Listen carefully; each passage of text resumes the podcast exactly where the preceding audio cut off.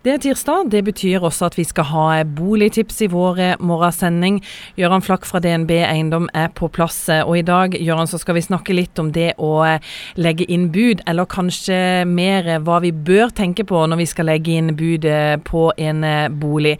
Eh, og det er faktisk sånn at du på en måte er sjøl ansvarlig for prosessen og bør sette deg inn i dette.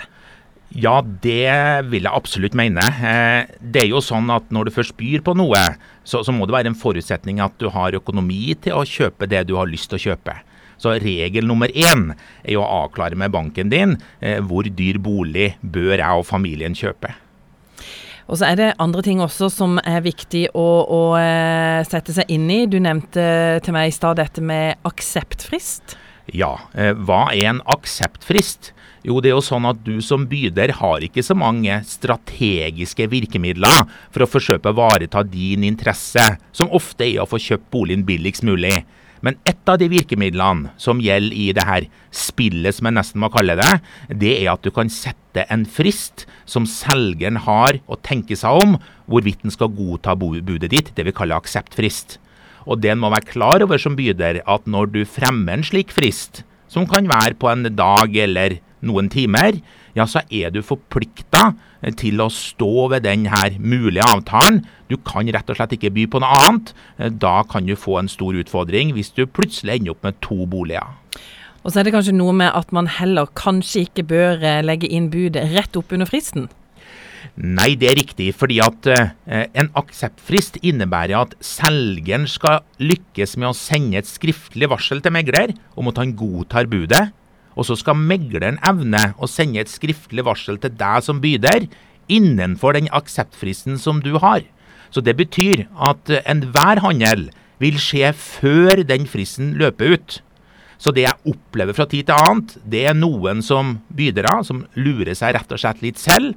De tror det er en god strategi å først varsle sitt bud nært oppåt den fristen som en annen byder har. Det kan være skjebnesvangert. Det kan ende med at du ikke får den, fordi at megleren må ha litt tid eh, forut for akseptfristen til å formidle den aksepten hvis det selger godtar budet. Men så er det jo gjerne sånn, skal man ha ny bolig, så er man gjerne ofte på eh, flere visninger. Eh, og da å legge inn flere bud, det er heller ikke lurt. Det er ikke lurt. Da kan du som sagt ende opp med, med to boliger.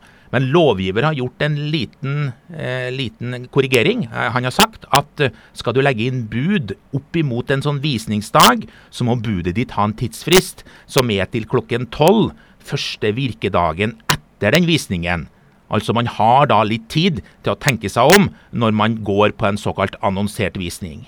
I Boligtips så prater vi om dette med å gi bud på en bolig. Hva bør man tenke på når man skal legge inn eh, et eh, bud? Og Gøran Flakk fra DNB Eiendom, vi har vært inne på en del av de grunnleggende tingene når vi skal legge inn et, eh, et bud. Og vi kan vel kanskje ikke si det for, for ofte, men det er altså ens eget ansvar. I mitt hode var det litt sånn at megleren kanskje var mye inne i bildet.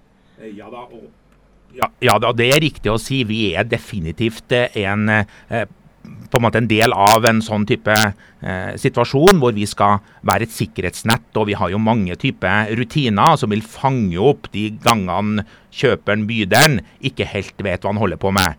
Men, men, men, men, det er en litt sånn mager trøst. Det vil være episoder hvor megleren ikke har noe ansvar, hvor du har gått for langt som på en måte byder. Eh, vi er helt avhengig av at den informasjonen du gir oss er riktig, og det kan oppstå ting i livet som gjør det vanskelig å finansiere boligen. og Da hender det fra tid til annen at man gjennomfører det vi kaller dekningssalg. Man i prinsippet selger boligen på din kjøpers risiko uten at du har eh, tiltrådt boligen og overtatt den. Så det er sånn uheldige situasjoner. Derfor er min oppfordring at uh, snakk nå litt med megleren, bruk den som rådgiver, og, og lær deg de grunnleggende kalle tingene før du byr.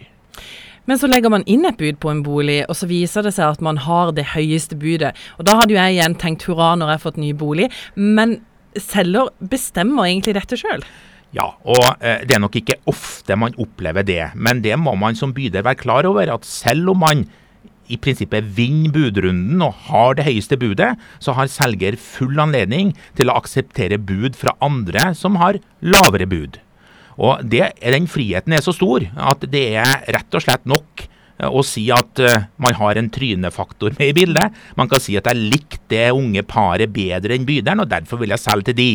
Men også her er det visse regler. Visse regler. Megleren vil med en gang reagere hvis man hører at motivet for å ikke selge er typisk eh, etnisitet eller religion eller legning. Ja, Da er vi på sånn diskriminerende elementer som samfunnet skal på en måte bidra og verne om. og Da vil megleren rett og slett si opp oppdraget med oppdragsgiveren og si at det her, det kan ikke vi være med på.